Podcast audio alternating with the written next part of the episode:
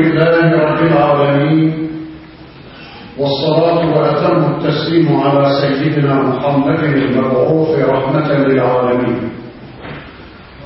اللهم لا سهل إلا ما جعلته سهلا وأنت تجعل الحزن إذا شئت سهلا. اللهم علمنا ما ينفعنا وانفعنا بما علمتنا وزدنا علما برحمتك يا أرحم الراحمين. أما بعد. والذين اتخذوا مسجدا ضرارا وكفرا وتفريقا بين المؤمنين وإرصادا لمن حارب الله ورسوله من قبل وليحلفن إن أردنا إلا الحسنى والله يشهد إنهم لكاذبون. إلى آخر الآيات. Sadakallahu azim. Şu Dırar Mescidini inşa edenler, Mescid-i Dırar ittikaz edenler, Müslümanlara Allah'ın dinine zarar vermek için ve kufran küfrü yaymak için ve tefrikan beynel müminin bir de müminlerin aralarına tefrikat tohumları ekmek için müminlerin arasına fitne tohumları ekmek için ve isaden limen haraballaha ve rasulehu min qabl daha önce Allah ve Resulüne harp ilan etmiş Ebu Amir alçağına yataklık yapmak onu gözetlemek için mescit inşa edenler, mescid-i dırarı kuranlar var ya لَيَحْلِفُنَّ اِنْ اَرَدْنَا اِلَّا الْحُسْنَى Onlar yeminle diyecekler ki vallahi ya Resulallah bu mescidi inşa ederken bizim kötü bir niyetimiz yoktur. Biz iyi niyetle bu mescidi inşa ettik. Uzak mahallelerden sabah namazına kimi ihtiyarlar gelemiyordu. Cemaat sevabından mahrum kalmasınlar diye biz bir mescit daha yaptık.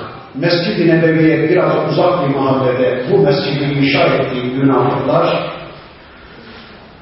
yani kimi yaşlı ihtiyar Müslümanlar cemaat sevabından mahrum kalmasınlar diye biz bu mescidi inşa ettik diyecekler. Vallahu yeşhedü innehum lekâzibûn Allah şahit ki onlar yalan söylüyorlar. Konuyu şöyle kısaca özetleyeyim. Ebu Amir diye bir papaz vardı, Hristiyan papazı, İslam düşmanı bir hain vardı, ismi Ebu Amir'di. Bu adam hemen hemen Mekke müşrikleriyle Peygamberimizin yaptığı bütün savaşlarda Mekke müşriklerinin safında yer almıştı. Bedir'de müşriklerin safında, Uhud'da müşriklerin safında, Hendek'te bütün Suudi Arabistan kabilelerini tahrik etmiş, Peygamberimizle savaşmaya teşvik etmiş alçak, yine müşriklerin safında. En son Mekke'nin fethinden sonra artık Ebu Amir denen bu papaz kesinlikle Müslümanların karşısına hiçbir güçle çıkamayacaklarını anlayınca bir taktik değiştirdi. Dedi ki bundan böyle Medine'de bir mescit inşa edeceğiz. Münafıklarla birlikte mescit perdesi arkasında samimi bir kısım çalışmalar yapıyormuş görüntüsü vererek nifakımızı sürdüreceğiz. Münafıklık faaliyetlerimizi sürdüreceğiz. Müslümanlara zarar verme eylemlerimizi devam ettireceğiz dedi. Medine'ye geldi. Medine'li münafıklarla birlikte işte Peygamberimizin mescidine biraz uzakta bir mescit inşa ettiler. Mescid-i Dırar inşa ettiler. Ve Peygamber Efendimiz'e geldiler. Dediler ki ya Resulallah bizim mescidimizi şereflendirsene. İlk namazı buyur sen kıldır ey Allah'ın Resulü dediler. Allah'ın Resulü biraz anladı onların niyetlerini. Dedi ki şu anda bir seferle meşgulüm Tebuk seferine çıkma meşguliyeti içindeyim. Hele bir seferden dönelim o zaman düşünürüz dedi Allah'ın Resulü. Sonra sefere çıktı ve sefer esnasında işte bu sure, bu ayeti kerime nazil oldu. Onların o mescidi ne adına yaptıklarını Allah Peygamberimize açıklayınca Allah'ın Resulü henüz kendisi Medine'ye dönmeden önce bir cemaat grup gönderdi, bir grup cemaat gönderdi ve o mescit Peygamberimiz daha Medine'ye gelmeden yıkıldı, yerle bir. Bakın Türkiye'deki mescitlerin de mescid-i olduğunu iddia eden kimileri var ama ben o kanaatte değilim. Çünkü bakın bu mescid-i dırarın dört özelliğinden söz etmiş Allah. Bir tanesi dıraran zarar vermek maksadıyla inşa edilmiş bir mescid. Kime? Allah'ın dinine, Müslümanlara ve İslam'a zarar vermek üzere, peygambere zarar vermek üzere, komplo düzenlemek üzere bina edilmiş bir mescid. Halbuki Türkiye'deki mescitler hiçbir zaman Allah'a, Allah'ın dinine ve Müslümanlara, peygambere zarar vermek niyetiyle inşa edilmemiş. Bu mescitlerin halkın parasıyla yapıldı. Bu mescitleri halk yaptırdı. İkincisi ve kufran o Medine'deki Mescid-i Dırar'ın ikinci özelliği küfrü yaymaktı. Halbuki bizim şu anda Türkiye'deki mescitlerimiz küfrü yayma hedefinde ve niyetinde değildir. Böyle bir hedefi yoktur Böyle bir fonksiyon yoktur bu mescitlerin. Bir de وَتَفْرِيقًا بَيْنَ الْمُؤْمِنِينَ Müminleri parçalama, müminlerin arasına tefrikat tohumları ekmek, müminlerin arasına fitne tohumları ekme niyetiyle yapılmıştı Medine'deki o mescit. Şu andaki mescitlerin böyle bir özelliği de yok. Son dördüncü özellik de وَاِرْصَادًا لِمَنْ حَارَبَ اللّٰهَ وَرَسُولَهُ مِنْ قَبُلُ Daha önce Allah ve elçisine harp ilan etmiş o papaz Ebu Amir'e yataklık yapmak, ona gözcülük yapmak, onu o mescitte korumak ve onun nifak programını icra etmek üzere o mescit inşa edilmişti. Halbuki şu anda Türkiye'deki bizim mescitlerimiz bu özelliklerin hiçbirisine sahip değil. Bizim şu andaki Türkiye'deki mescitler mescidi Türki'dir. Mescid-i Dırar değil, mescidi Türki. Türki mescitler. Çünkü bir mescide Mescid-i Dırar diyebilmek için önce Mescid-i Nebevi lazım. Mescid-i Nebevi'yi kurduktan sonra şuna değil de buna gidenler gitmeyin diyebilme yetkimiz olur, hakkımız olur. Hani şu anda Mescid-i Nebevi fonksiyonunu icra edecek mescitleri henüz kuramadığımıza göre bu mescitler mescid-i dırar değil, bunlar mescid-i Türkilerdir ve bizler de Türki Müslümanlarız. Ben bu konuda diyebileceğim sadece budur. Allah diyor ki bakın, La tekun fihi ebeden, ey peygamberim ebediyen o mescitte, mescid-i dırarda namaz kılma, sakın orada kıyamda durma ebediyen, لمسجد أسس على التقوى من أول يوم أحق أن تقوم فيه başlangıçtan beri takva üzerine bina edilmiş, Allah'a kulluk esası üzerine bina edilmiş olan Mescid-i Nebevi yani senin mescidin içinde namaz kılmaya, İslam'ı uygulamaya, kıyamda durmaya daha layıktır, daha evladır. Fihi ricalun yuhibbune en yetedahharun. Çünkü Medine'deki Mescid-i Nebevi'de temizlikten yana olan, temizlenmek isteyen yiğitler var, erler var, ricaller var, müminler var. Vallahu yuhibbul muttahhirin. Şüphesiz ki Allah iman temizliği, itikat temizliği, amel temizliği içinde olan, temizlenmeden yana olan müminleri sever.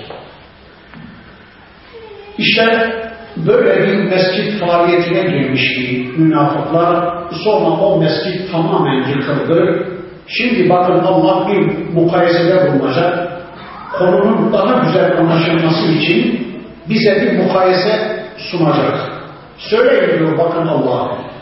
Efemen essese bunyanehu ala takva minallahi ve ridvanin hayrun emmen essese bunyanehu ala şefa curufin harin fenhara bihi fi nari cehennem.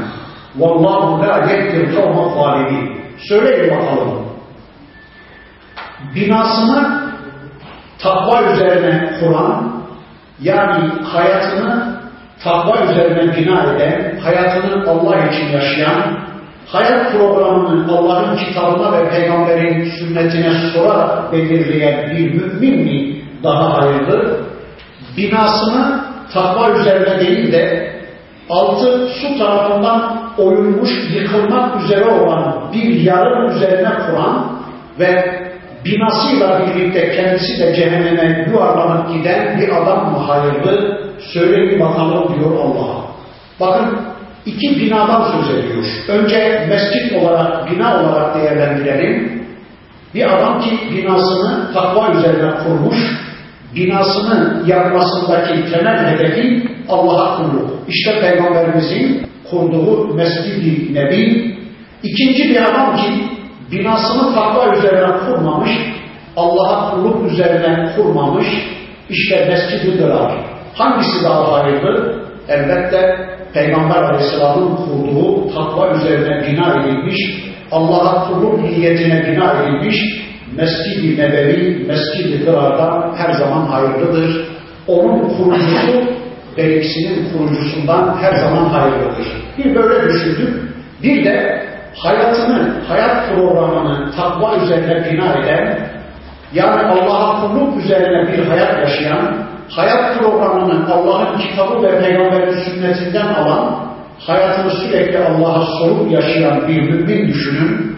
Bir de beni Allah da Allah'ın kitabı da ilgilendirmez.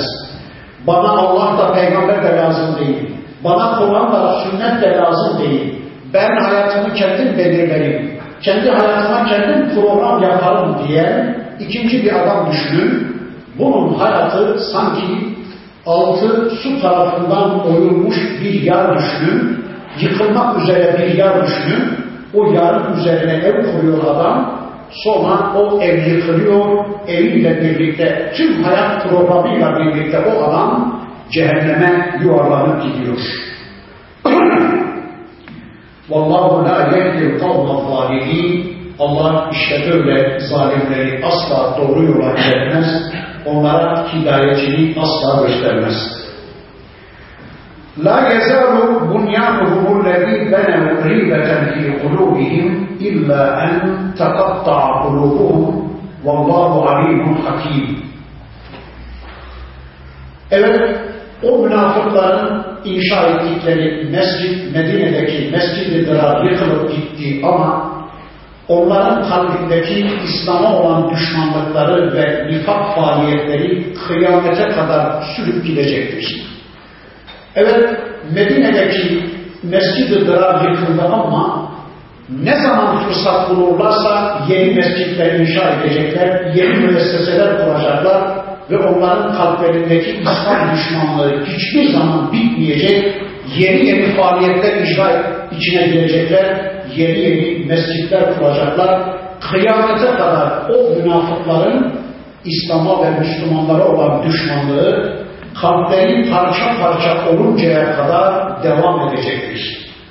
Ayetin birinci manasını böyle ifade ettim. Bu ayetin bir ikinci manası da şudur.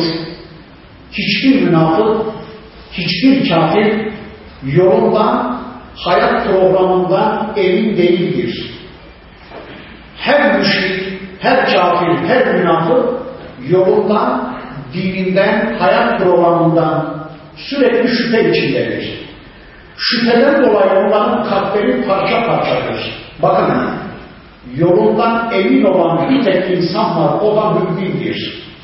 Dininden emin olan, yolundan emin olan, mutmain olan yeryüzünde bir tek insan var, o da mümindir. Mümin asla dininden, yolundan şüphe içindedir. Ama her bir münafık, her bir müşrik, her bir kafir sürekli yolundan, programından şüphe içindedir.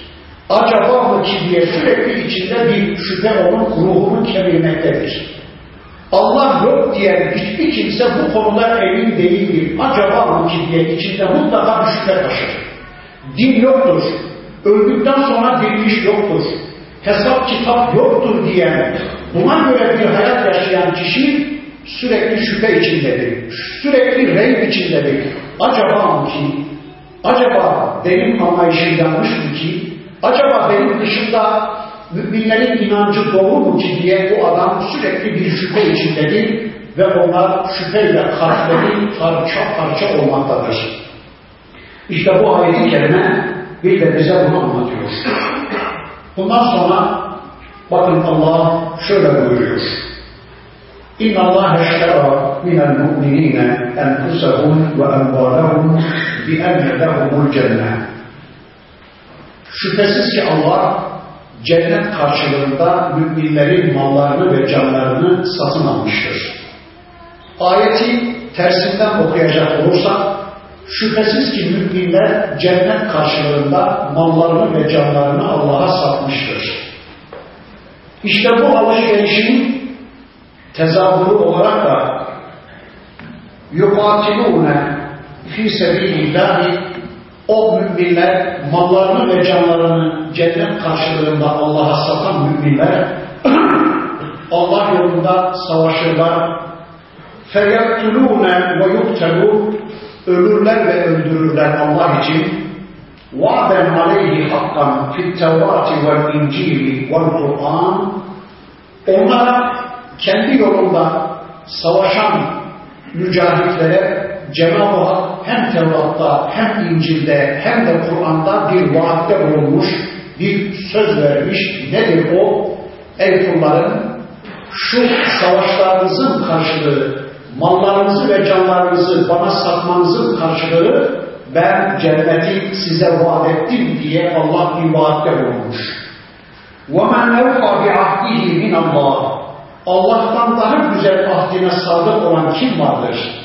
Allah'tan daha güzel sözünün eri olan kim vardır? Öyleyse فَاسْتَبْشِرُوا بِالْبَيْعِكُمُ الَّذ۪ي بَايَعْتُمْ بِهِ Allah'la yaptığınız bu alışverişe sevinin ey müminler. Allah'la gerçekleştirdiğiniz böyle bir alışverişe sevinin. وَذَٰلِكَ هُوَ الْفَوْزُ الْعَظِيمِ işte en büyük kurtuluş budur, en büyük başarı budur. Bakın bu ayet üzerinde biraz biraz inşallah duracağım. Allah diyor ki şüphesiz ki Allah cennet karşılığında müminlerin mallarını ve canlarını satın almıştır. Şüphesiz ki müminler cennet karşılığında mallarını ve canlarını Allah'a satmışlardır. Anladığımız o ki Allah mümin kullarıyla bir alışveriş yapmak istiyor. Diyor ki ey kullarım mallarınızı ve canlarınızı bana verin, karşılığında cennet vereyim. Bu konuyu en güzel anlayabilmek için ben bir örnekle anlatayım. Farz edin ki pazarda cennetin satıcısı cennetin tezgahı üzerine koymuş ve cenneti pazarlıyor. Yok mu cennet isteyen, yok mu cennet isteyen? Uzaktan birileri duyuyor. Ama hiç ilgilerini çekmiyor. Gelmiyorlar tezgahın başına, sorma gereği bile duymuyorlar. Neden? Çünkü adamlar cenneti duymamışlar. Ne anadan duymuşlar, ne babadan duymuşlar, ne hocadan, ne hacıdan duymuşlar. Cennet konusunda hiç hiç bilgileri yok. Onlar geçip gidiyorlar. Allah bizi onlardan etmesin. İkinci bir grup var. Az biraz duymuşlar cenneti. Babadan, anadan duymuşlar. Hacıdan, hocadan duymuşlar. Az biraz ilgilerini çekiyor. Geliyorlar tezgahın başına. Soruyorlar cennetin satıcısına. Kaç para bu cennet? Bedeli ne? Cennetin satıcısı diyor ki mal ve can. Eğer mallarınızı ve canlarınızı şu tezgahın üstüne koyarsanız karşılığında cennet vereceğim diyor. Onların da hoşuna gitmiyor. Diyor ki ben genç yaşımda malımı da canımı da o tezgahın üstüne koymam, cennette istemem diyor. Onlar da geçip gidiyor. Allah bizi onlardan da etmesin. Üçüncü bir grup var. Onlar gerçek mümin. Koyuyorlar o tezgahın üstüne malı ve canı. Bakın o tezgahın üstüne malı ve canı koymanın ne anlama geldiğini biraz sonra inşallah söyleyeceğim. koyuyorlar o tezgahın üstüne mallarını ve canlarını.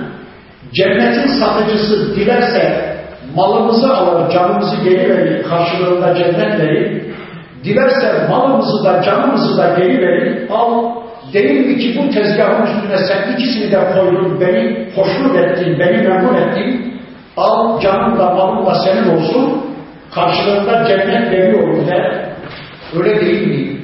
Adam savaşa gider, cihada gider, malı ve canı o tezgahın üstüne koyar ama şehit olmadan çıkar gelir değil mi? Malını da ortaya koymuştur ama bir kuruş bile mal harcamadan üstelik yığınlarla, ganimetlerle adam çıkar gelir değil mi? E şimdi bu adam o tezgahın üstüne malı ve canı koymadı mı? Elbette koydu. Ama cennetin satıcısı bazen malımızı alır, canımızı geri verir, cennet verir. Bazen malımızı da canımızı da geri verir, cennet verir. Bazen malımızı da canımızı da alır, cennet verir. O cennetin satıcısının arzusuna kalmış. Anladınız değil mi?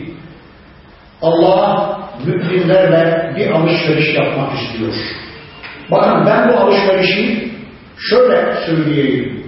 Rabbimiz bize karşı öylesine cömert, öylesine merhametli ki bakın bu alışveriş şöyle bir anlam taşıyor. Allah malı ve canı zaten bize veren o. Yani şu anda bendeki mal ve can zaten Allah'ın. Bakın Rabbimiz kendisine ait olan, kendisinin verdiği malı ve canı ondan çok daha kıymetli bir bedelle cennet karşılığında bizden bir daha satın almak istiyor. Ya bu ne muazzam bir alışveriş ya. Bir düşünün hele. Zaten mal da can da onun Allah verdi bize. Kendi verdiği malı ve canı Allah bizden bir daha satın almak istiyor. Bu ne muazzam bir alışveriş. Bir örnek vereyim bakın. Farz edin ki benim cebimde bir tane altın var. Şu karşımdaki kardeşe dedim ki al kardeş bu senin olsun. Benim mülkümden onun mülküne intikal ettiğim artık o bir tane altın o kardeşim. 10 dakika sonra, 5 dakika sonra diyorum ki kardeş sende bir tane altın var ya evet onu bana satar mısın? Kaça? İki çuval altına. Allahu Ekber. Ya zaten ben verdim az evvel o altını. Bakın benim olan, benim verdiğim o altını ondan çok daha kıymetli bir bedelle ondan satın almaya çalışıyorum ya. Sanki Allah da bunu yapıyor. Malı ve canı zaten Allah verdi. Şu anda hepimizin malımız ve canımız Allah'ındır. O kendi verdiği malı ve canı bizden bir daha satın almak istiyor. Kullarım ister misiniz cennet verelim karşılığında o mallarınızı ve canlarınızı bana satar mısınız? Peki malı ve canı o tezgahın üstüne koymak ne anlama geliyor onu söyleyeyim şimdi. Yani Allah şunu mu istiyor? Hemen ölüm canlarınızı bana teslim edin. Hayır öyle bir şey istemiyor. Ya da tüm malınızdan soyutlanın, tüm malınızı infak edin, zekat olarak, hayır olarak elinizden çıkarın, tüm malınızı bana verin diyor. Hayır onu da söylemiyor Allah. Peki ne istiyor bizden? Yani malı ve canı o tezgahın üstüne koymak ne anlama geliyor? İşte şimdi bakın onu söyleyeyim. Malı ve canı Allah'a satmak demek, malı ve canı o tezgahın üstüne koymak demek şu anlama geliyor. Bir kişi bedeninde, canında Allah'ı söz sahibi bilirse, namaz kılarak tüm bedeninde Allah'ı yetkili bilirse biliyorsunuz namazda insan konuşamaz.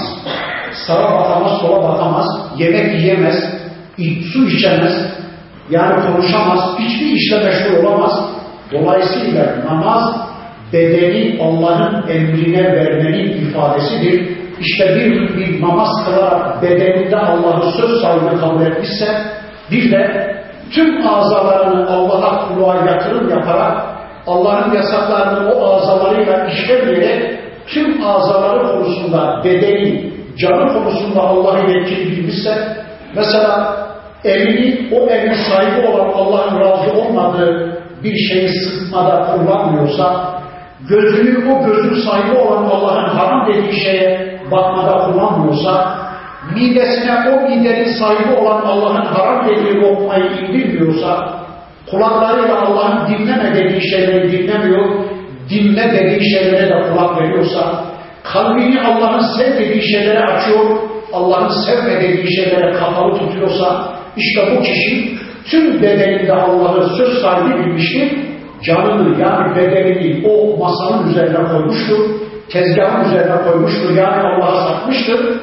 Bir de malı kazanacağı yerleri de harcayacağı yerleri de Allah'a soruyorsa bir kişi Allah'ın şuralar israf, şuralar haram, buralardan kazanma ben onlara kazanç demiyorum dediği yerlerden kazanmıyor şuralarda harcama faiz şuralarda harcama haram şuralarda harcama israf dediği yerlerde harcamıyor ama harca dediği yerlerde de infak et dediği yerlerde de Müslümanlarla paylaş dediği yerlerde de harcıyorsa yani malı konusunda da Allah'ın söz sahibi biliyorsa bir kişi işte o tezgahın üzerine o malını koymuştur, o canını koymuştur.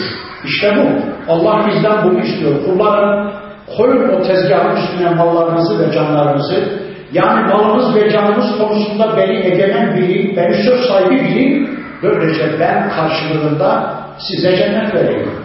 İşte Allah bizden bunu istiyor. Ama şunu söyleyeyim, biz akıl bali olup da eşhedü en la ilahe illallah ve eşhedü enne Muhammeden Resulullah dediğimiz gün la ilahe illallah Muhammedur Resulullah sözünü söylediğimiz gün bilelim ki Allah'la böyle bir alışverişi gerçekleştirdik. Ya Rabbi mal da can da senindir dedik. Böyle bir alışverişi yaptıktan sonra yani malımızı ve canımızı Allah'a sattıktan sonra bir de ikinci defa o malı ve canı birilerine satmaya kalkarsak, yani tağutlara satmaya kalkarsak, çevreye, modaya, adetlere satmaya kalkarsak, amire, müdüre, yönetmeliklere satmaya kalkarsak, yani Allah'ın arzularıyla çatışan birilerinin arzularını da gerçekleştirmeye kalkışırsak, dünyada bile bir kere birine satılan bir mal ikinci defa bir başkasına satıldığı zaman nasıl ona bir mahkeme açılırsa siz malı ve canı akıl bali olduğunuz gün Allah'a sattığınızı beyan etmek üzere kelime-i şehadet söylemiş, kelime-i tevhid söylemişken arkasından bir de o malı ve canı başkalarına satmaya kalkarsanız, başkalarına kulluk etmeye, başkalarının çektiği yere gitmeye, başkalarının arzularını gerçekleştirmeye kalkarsanız Allah korusun bu şirktir, bu günahtır ve o kişiye yarın Allah mutlaka dava açacaktır. İşte bu ayeti kerimede Allah bize bunu anlattı. Ve hem Tevrat'ta hem İncil'de hem de Kur'an'da Allah bu yasayı önceki kullarına da duyurmuş.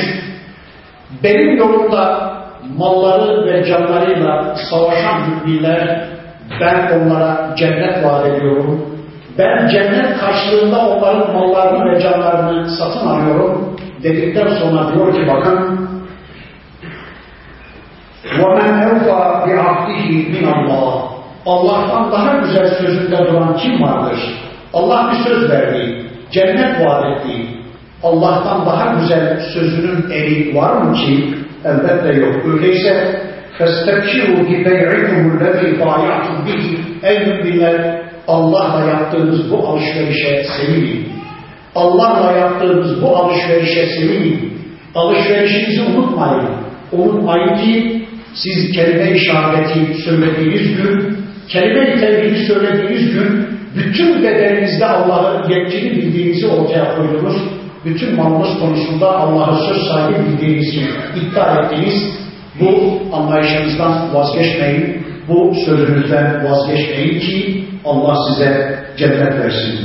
ذَٰلِكَ هُوَ الْفَوْزُ الْعَظِيمِ İşte en büyük kurtuluş gerçekten budur. Şimdi o müminlerin özelliklerinden bazılarını sayacak Rabbimiz. İnşallah bu özellikleri de üzerimizde taşıyalım. Neymiş onlar? Et-taibun onlar tövbe edenlerdir. Tövbe kıble değişikliğidir. Tövbe dönüvermektir. Şeytan peşinde giderken, günahların peşinde giderken kendinize geldiğiniz an hemen dönüvermeniz ben ettim sen etme ya Rabbi. Beni bağışla ya Rabbi. Az evvel şuursuzca günah peşindeymişim. Şimdi hatırladım. Programımı değiştirdim. Kıblemi, yönümü değiştirdim. ben sana kulluğa dönüverdim ya Rabbi demenin adına tevbe dedi. O müminler her gün Rablerine tevbe ederler. Yani bir gafletle günaha doğru giderlerken dönüverirler. El-abidun. Onlar hep kuldurlar. Sürekli Allah'ı gündemde tutarlar. El-hamidun. Sürekli Allah'ı överler onlar. Allah'ı övmek, Allah'ın övdüklerini övmektir. Sürekli onlar Allah'ın övdüklerini överler, Allah'ın yerdiklerini de yererler. Allah dostlarını dost bilirler, onlarla birlikte olurlar. Allah düşmanlarına düşmanca tavır alırlar. Allah'ın sevdiklerini severler, Allah'ın küslüklerine küserler. Allah'ın sevdiklerini severler, Allah'ın gazap ettiklerine gazap ederler. Sevgileri Allah için, nefretleri Allah içindir onların. Es-sâihûn, bir de onlar oruç tutarlar. Nefis eğitimi verirler. Ve sâihûn kelimesinin bir ikinci anlamı da seyahat eder onlar. Nasıl bir seyahat?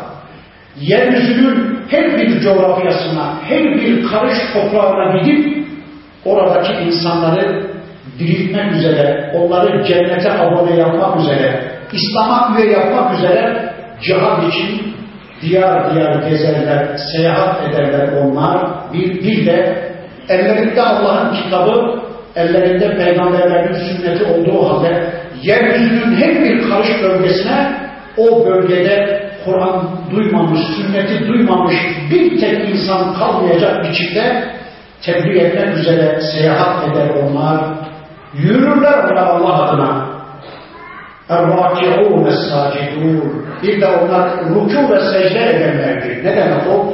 Buradaki ruku ve secde namazdaki ruku ve secdeden ayrıdır. Bunun manası şudur. Allah karşısında boyun bükerler. Allah karşısında bel kırarlar. Allah karşısında ukalalık etmezler. Allah'a akıl vermeye kalkmazlar.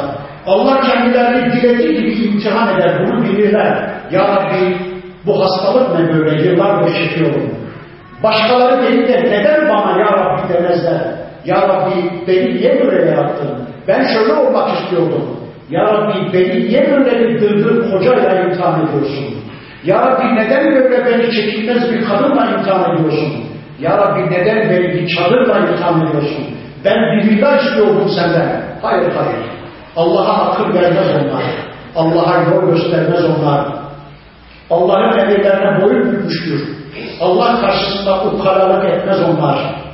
Allah karşısında bilgi iddiasında bulunmaz onlar. Allah karşısında güç iddiasında bulunmaz onlar. Tam Allah'a teslimdir. Ruku ve secde ehlidir onlar. El-âmirûne bil-ma'rufi ve-nâhûne anil-münker Bir de onlar iyiliği emrederler, kötülüğü de nehyederler.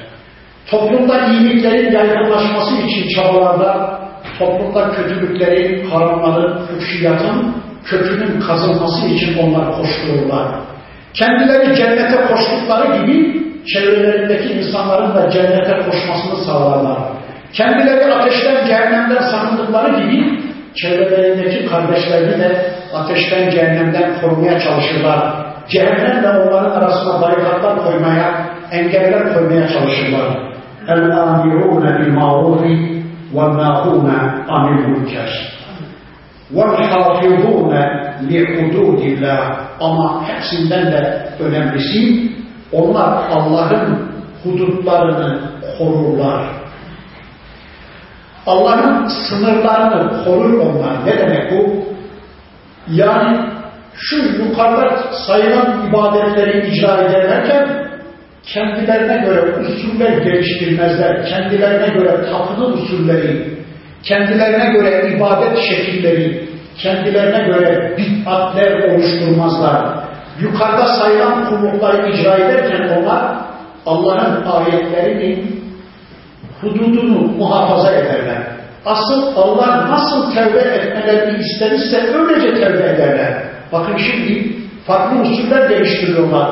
Filan yere tevbe almaya gidiyoruz, tevbe veriyoruz, tevbe alıyoruz. Ya tevbeyi Allah'a Allah verir. Tevbe Allah'a yapılır ya. Bakın o müminler tevbe ederlerken ilk başta dedi ki et-taibun. Onlar tevbekardırlar, tevbe ederler. Nasıl ama? Kendi kendilerine tevbe usulleri, tevbe modelleri geliştirmez onlar da Allah'ın sınırlarını muhafaza ederler. Allah nasıl tevbe istemişse öylece tevbe ederler. Allah'a kulluk yapar onlar ama kendi kendilerine kulluk modelleri, kulluk stilleri geliştirmez onlar.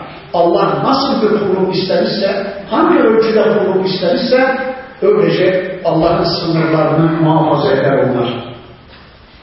وَبَشِّرِ الْمُؤْمِنِينَ Böyle yaşayan müminleri sen müjdele ey peygamberim. Bundan sonra مَا كَانَ لِلنَّبِيِّ وَالَّذ۪ينَ آمَنُوا أَنْ يَسْتَغْفِرُوا لِلْمُشْرِك۪ينَ وَلَوْ كَانُوا اُولِي قُرْبَى مِنْ بَعْدِ مَا تَبَيَّنَ لَهُمْ اَنَّهُمْ أَصْحَابُ الْجَحِيمِ O peygambere ve müminlere en yakın akrabaları da olsa münafık olarak cehennem ashabı olarak ölüp giden kimselerin arkasından istiğfar etmeleri, dua etmeleri, bağışlanma dilemeleri o peygambere ve müminlere asla yakışmaz. Bir daha söyleyeyim. En yakın akrabaları da olsa, münafık oldukları, cehennemlik oldukları belli olduktan sonra en yakın akrabaları bile olsa ölüp giden kimselerin arkasından o müminlere, o peygambere istiğfar etmek, onlar adına af dilemek asla yakışmaz, asla yaraşmaz. Bakın, bir adam hayattaysa onun için istiğfar da edilir, dua da edilir. Mesela diyelim ki bir akrabanız var ya da tanıdığınız birisi var. Ya Rabbi babama hidayet nasip eyle. Ya Rabbi amcama iman nasip eyle. Ya Rabbi dayıma cennet nasip eyle. Ya Rabbi ona akıl firaset ver, ona iman ver, ona tevhidi göster Allah'ım diye dua etmek caiz. Çünkü adam hayatta her an tevbe edebilir. Hediye vermek caiz, yalvarmak, yakarmak caiz, işini vermek caiz. Hatta onu cehennemden alıkoyabilmek için her şeyimizi feda ederiz o hayattayken ama adam geberdiği andan itibaren iş bitti. Çünkü adamın geberdiği tevbe etme imkanı yok, dönme imkanı yok Artık onun affı için dua etmek de caiz değil, istiğfar etmek de caiz değil. İşte bu ayet bize bunu anlatıyor. Bakın, bir örnek verecek Cenab-ı Hak. وَمَا كَانَ اسْتِغْفَارُ إِبْرَاهِيمَ لِأَبِيهِ إِلَّا عَنْ مَوْعِدَةٍ وَعَدَهَا إِيَّهُ İbrahim'in babasına istiğfarı daha önceden ona verdiği bir sözün gereğiydi. Allah diyor ki İbrahim Aleyhisselam daha önce babasına bir söz vermişti. Kur'an'ın başka bir ayetinde anlatıyor Allah onu. Ne demişti İbrahim Aleyhisselam? Babacığım senin için Allah'a istiğfar edeceğim.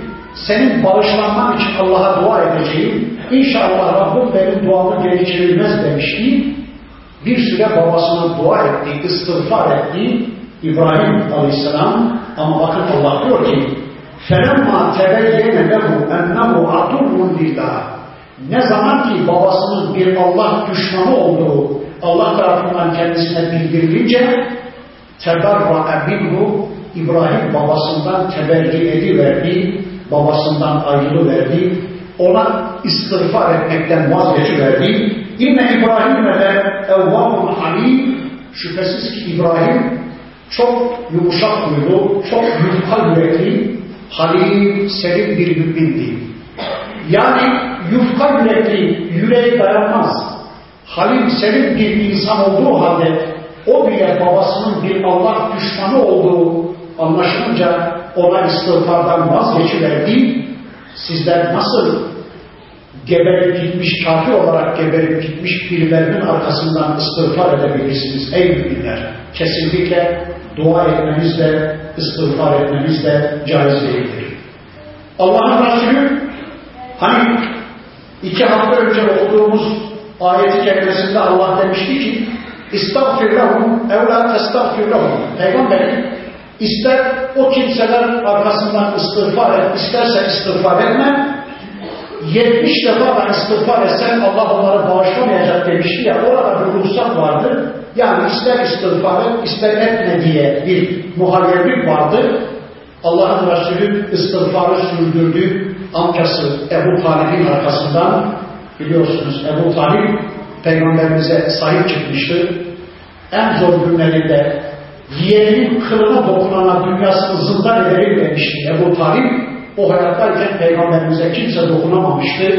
Ebu Talib vefat edince yani ölünce Allah'ın Resulü çok üzüldü. Üç ay kadar ağladı, istiğfar etti.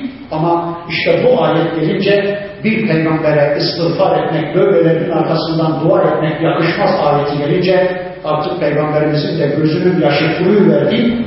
O da tıpkı İbrahim Aleyhisselam gibi amcasının arkasından istiğfar etmekten vazgeçilir. Ama وَمَا كَانَ اللّٰهُ لِيُضِلَّ قَوْمًا بَعْدَ اِذْ هَدَاهُمْ حَتَّى يَتَبَيَّنَ لَهُمْ مَا يَتَّقُونَ Ama Allah hiçbir toplumun dalaletini, sapıklığını onaylamaz. O toplumu hidayete ulaştırdıktan sonra Allah hiçbir toplumu saptırmaz. Hatta yetebeyyene lehum ma yettekun kendilerine sakınmaları gereken şeyleri bildirmedikçe, öğretmedikçe. Bakın şöyle diyor Allah. Cenab-ı Hak bir topluma sakınmaları gereken haramları, küfrü, şirki anlatmadıkça o toplumun sapmasını onaylamaz, o toplumu saptırmaz. Bu ayet şunu anlatıyor. Demek ki Müslümanlar önceki uygulamalarından dolayı sorumlu tutulmayacak. Hani şu ayet gelmeden önce bir peygambere ve Müslümanlara kafir olarak, münafık olarak geleyip gitmiş akrabalarının arkasından istiğfar etmek yakışmaz ayeti henüz gelmeden önce Müslümanlar bu yasayı bilmeden önce, bu yasa gelmeden önce akrabaları hakkında, böyle akrabaları hakkında istiğfarı sürdürüyorlardı. Bakın Allah diyor ki bu yasa gelmeden önce yaptıklarınızda Allah sizi asla sorumlu tutmaz. Sizi sakınacağınız şeyler konusunda bilgilendirmedikçe Allah sizi sorumlu tutmaz. Demek ki önceki uygulamalarından dolayı Allah müminleri sorumlu tutmuyor. Bakın bu ayeti duymadan önce bugüne kadar kafir olarak, münafık olarak, müşrik olarak ölüp gitmiş akrabalarınızın arkasından eğer istiğfar etmiş, dua etmiş, onlar için af dilemişseniz işte bugün, bu akşam bu ayeti burada duyduğunuz andan itibaren artık bir daha yapamazsınız. Bu konuda izin yok ama bilmeden, duymadan önce yapılanları Allah bağışlıyor. Bu ayet bir de bize şunu anlatıyor. Allah bile kullarını bilgilendirmeden, sakınacakları şeyleri onlara anlatmadan onlara azap etmiyor. Biz de insanları bilgilendirmeden iman nedir, şirk nedir, küfür nedir, tevhid nedir, tavuk nedir, ibadet nedir, kulluk nedir insanlara anlatmadan hemen onları tekfir etmeye kalkışmayalım. Onları bilgilendirmeden, onları İslam'la uyarmadan sen kafirsin, sen kafirsin, sen de kafirsin diye çevremizdeki insanları küfürle damgalamaya kalkışmayalım. Allah bile bildirmediği, anlatmadığı bir yasadan ötürü farklı uygulamaları, o yasaya ters uygulamaları bağışlıyor. İşte Müslümanların önceki davranışlarından dolayı Allah bile onları hesaba çekiyor. İnna Allah bi kulli şeyin alim. Şüphesiz ki Allah her şeyi bilendir, her konuda bilgi sahibidir. İnna Allah lehu mulku semavati vel ard. Şüphesiz ki göklerin ve yerin mülkü Allah'a aittir. Mülk diye ne varsa hepsi Allah'ındır. Hani benim, senin, onun dediğimiz şeylerin hepsi mecazi manadadır. Gerçek anlamda mülk Allah'ındır. Peki mülk Allah'ındır demek ne demek? O mülkte söz sahibi Allah'tır. Gökler Allah'ın mülküyse, yer ve yerdekilerin tamamı Allah'ın mülküyse, göktekiler ve yerdekiler konusunda yasa belirleme yetkisi sadece Allah'a aittir. Kullarının hayat programını belirleme yetkisi, onlara kanun yapma yetkisi, onlara program yapma yetkisi sadece Allah'a aittir. Allah'tan başka hiç kimse de böyle bir yetki yoktur. Çünkü gökler ve yer hepsi Allah'ın mülküdür. Mülkü konusunda söz sahibi, egemen ve hükümran sadece Allah'tır. Yuhyi ve yumit. O Allah hayat veren ve hayatı alandır. Yani hayatı veren de odur, alan da odur. وَمَا لَكُمْ مِنْ دُونِ اللّٰهِ مِنْ وَلِيٍّ وَلَا نَصِيرٍ Onun dışında sizin karar merciğiniz yoktur, veriniz yoktur, sizin adınıza program yapacak, size danışmadan sizin adınıza karar verecek başka veriniz yoktur, yardımcınız da yoktur. لَقَدْ تَابَ اللّٰهُ عَلَى النَّبِيِّ وَالْمُهَاجِرِينَ وَالْأَنصَارِ الَّذِينَ اتَّبَعُوهُ فِي سَاعَةِ الْأُسْرَةِ مِنْ بَعْدِ مَا كَادَ يَزِيغُ قُلُوبُ فَرِيقٌ مِّنْهُمْ ثُمَّ تَابَ عَلَيْهِمْ اِنَّهُ بِهِمْ رَءُوفٌ رَحِيمٌ Burada bir konu anlatacak Rabbimiz.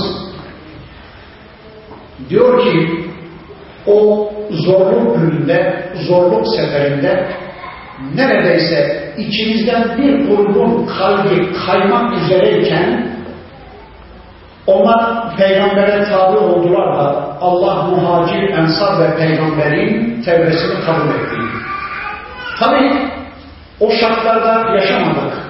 Hayalen o döneme gitmek istiyoruz ancak o kadarını anlayabiliyoruz. Anladığımız o ki biliyorsunuz Tebuk Seferi, bu surede konu edilen Tebuk Seferi zorluk seferiydi. Sıcakların bastırdığı bir döneme denk gelmişti. Medine'de üstelik kıtlık vardı.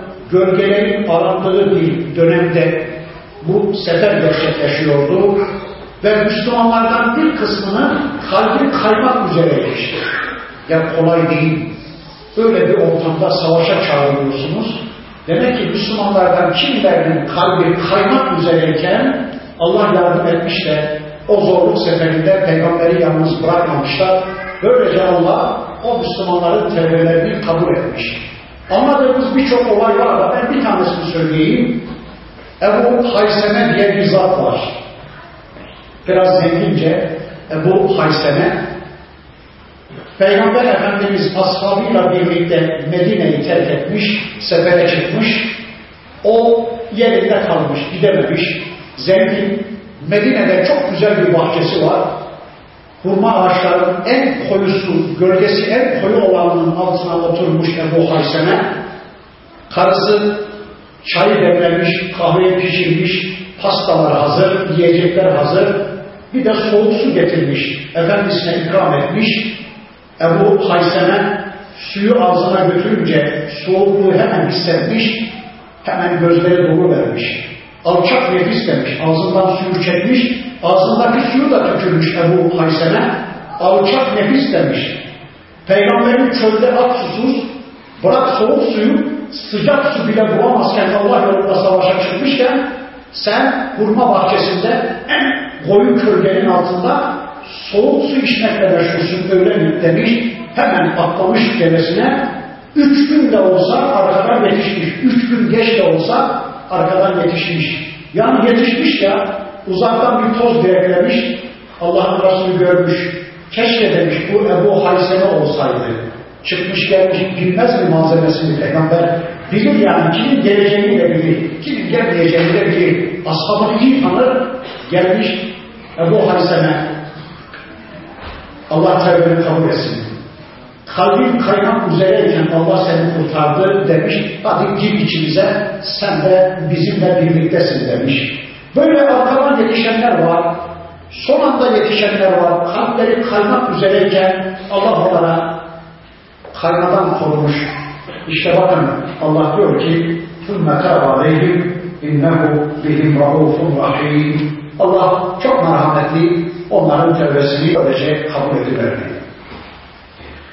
وعلى ثلاثة الذين خلفوا حتى إذا ضاقت عليهم الأرض بما رحبت وضاقت عليهم أنفسهم وظنوا أن لا ملجأ من الله إلا إليه ثم تاب عليهم ليتوبوا إن الله هو التواب الرحيم Hani şu savaştan geri kalmış ama doğruyu söylemiş, hiçbir mazeret uydurmamış, doğru neyse söylemiş üç tane Müslüman vardı ya, iki hafta önce söylemişti Allah, onların durumu ertelenmişti, onların durumu geriye bırakılmıştır. Allah dilerse onlara azap edecek, dilerse onları bağışlayacak demişti ya, işte o üç kişiden söz ediyor şimdi Allah. Diyor ki o üç kişi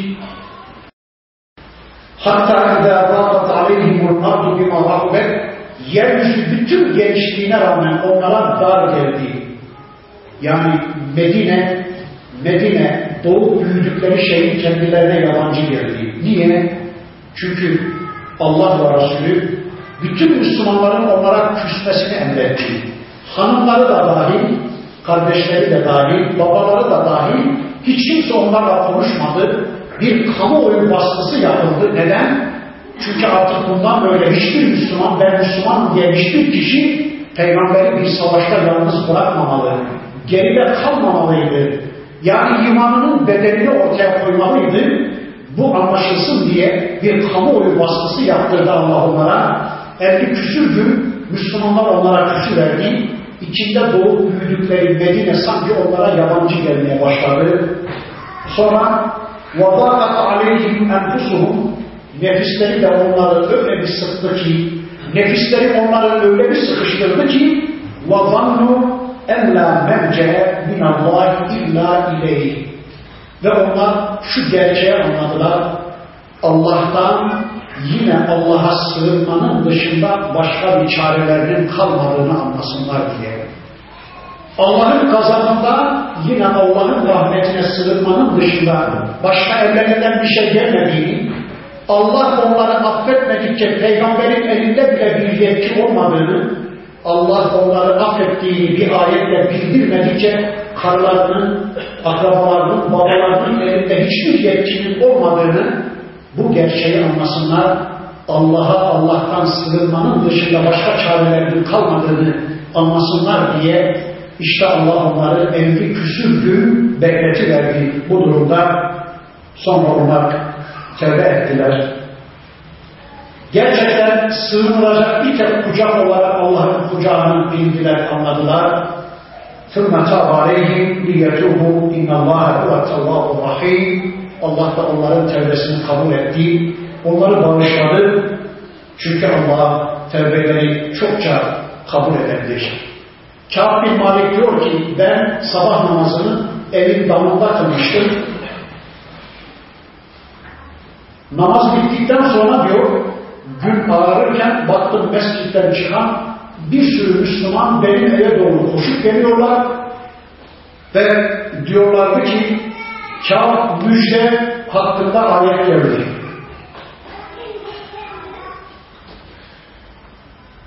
Hemen fırladım aşağı indim diyor.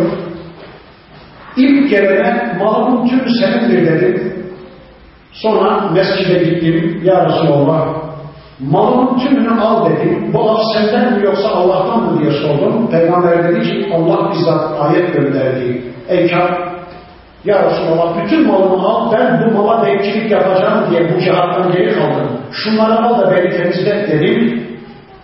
Allah Resulü hayır ancak üçte birini infak edebilirsin gerisi kalsın dedi. O üç Müslüman da böylece affedildiler. Şimdi bütün bu ayetlerden sonra, bütün bu uyarılardan sonra bakın bize dönüyor Allah. Şu anda bize diyor ki Ya eyyühellezine amanu Ey iman edenler İttakullah Allah'tan korkun. Allah'a karşı takvalı olun. Allah'a karşı kulluğunuzun bilincini takının. Allah'a karşı esas duruşunuzu muhafaza edin. Allah'ın koruması altına girin. Hayatınızı Allah için yaşayın. Allah'ın beğenisine gelen yaşayın. Bir de وَكُونُ مَا الصَّادِقِينَ ve de sadıklarla beraber olun. Sadıklarla birlikte olun diyor Allah. Bunu öyle öteye bence sürdürmüşler ki efendim sadıklar filan zatlardır, büyük zatlardır. Aman onlarla birlikte olun, onların hizmetinde olun. Onların yanı başından ayrılmayın gibi anlamışlar. Öyle değil. Bakın ayetin üstüyle altıyla birlikte anlarsak o zaman ayet şu manaya geliyor. Burada bu ortamda sadıklar kim? Peygamberle birlikte iman iddiasında, takva iddiasında, teslimiyet iddiasında sadıkane bağlı olup peygamberle birlikte savaşa gidenler sadıklar Yalancılar da, kafirler de, geri kalanlar iman iddiasında, takva ve teslimiyet iddiasında yalan söyleyenler de geri kalan münafıklar. Peki o zaman ne diyeceğiz? Ey iman edenler! Bir savaş söz konusu olduğu zaman sizler de sadıklarla birlikte olun, mallarını ve canlarını Allah'a satan, Allah ve Resulü uğrunda mallarını ve canlarını seferber edip Allah yolunda cihada giden sadıklar gibi davranın, sadıklarla birlikte olun, sakın ha savaştan geri kalan, Allah'a verdikleri iman iddiasında, teslimiyet iddiasında yalancı çıkan münafıklar gibi olmayın, evlerinde oturup kalanlar gibi olmayın. İşte ayet-i kerime bu yani bu bağlamda bu ayet bunu söylüyor ama şu anda insanlar bu ayeti farklı anlamlara çekmeye çalışmışlar ama sadıklarla, büyük zatlarla birlikte olun, onların hizmetinde olun gibi bir manaya çekmişler. Başka ayetler olabilir ama bu ayet hiç de onu anlatmıyor. Çünkü bu bağlamda sadıklar, peygamberle birlikte savaşa çıkanlar, mallarını ve canlarını bedel olarak ortaya koyanlar, kazipler yani yalancılar da münafıklardır. O savaştan geri kalanlardır. ما كان لأهل المدينة ومن حولهم من الأعراب أن يتخلفوا عن رسول الله ولا يرغبوا بأنفسهم عن نفسه ذلك بأنهم لا يصيبهم ظمأ ولا نصب ولا مخمصة في سبيل الله ولا يخافون موطئا. يغيظ الكفار ولا ينالون من عدو ليلا إلا كتب لهم به عمل صالح. إن الله لا يضيع أجر المسلمين Zaman doldu. Bir iki ayette okuyacağım. Bitiremeyeceğiz sureyi. Ben bu Kur'an'ı evden getirmedim. Sizin evden hiç almadım. Sizin evde de var bu Kur'an. Herkesin evinde var. Kur'an bitmedi ya. İnşallah evlerinize varınca bugün, yarın bu sureyi kendiniz tamamlarsınız. Başka çare yok. Bu hafta son ders. Bir de bitmedi. Hızlı yapmaya çalıştık. Yine bitmedi. İnşallah kendiniz okuyun. Şu son ayeti bir toparlayalım. Bakın diyor ki Allah, ne Medine'de yaşayan müminlere ne de Medine'nin dışında taşlarda yani köylerde yaşayan bedelilere kesinlikle bir savaş ortamında peygamberi yalnız bırakmak yakışmaz. Kendi nefislerini peygamberin nefsine tercih etmeleri müminlere asla yakışmaz. Biz kendimizi kurtardık bu seferden canımızı malımızı garanti alır, peygamber ne yaparsa yapsın demek bir mümine asla yakışmaz. Çünkü peygamberin ve müminlerin çıktığı o seferde açlık, bir susuzluk, bir yorgunluk isabet etmişse o müminlere bilesiniz ki onun karşılığında amel-i salih yazılmaktadır. O müminler bir düşman toprağına ayak bastıkları zaman ya da o müminler düşmanı üzecek bir zafere ulaştıkları zaman kesinlikle bir vadide yürüyüp adım attıkları zaman adım başına Allah onlara salih amel sevabı yazmaktadır.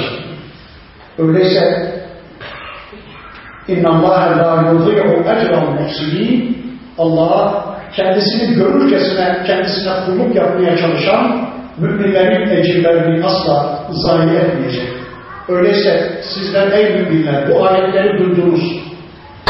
Tebuk seferi çerçevesinde savaşa çıkan müminlerin mükafatlarını savaştan geri kalan kimselerin, münafıkların da neleri kaybettiklerini uzunca Allah bu okuduğumuz Tevbe suresinde size ve bize anlattı.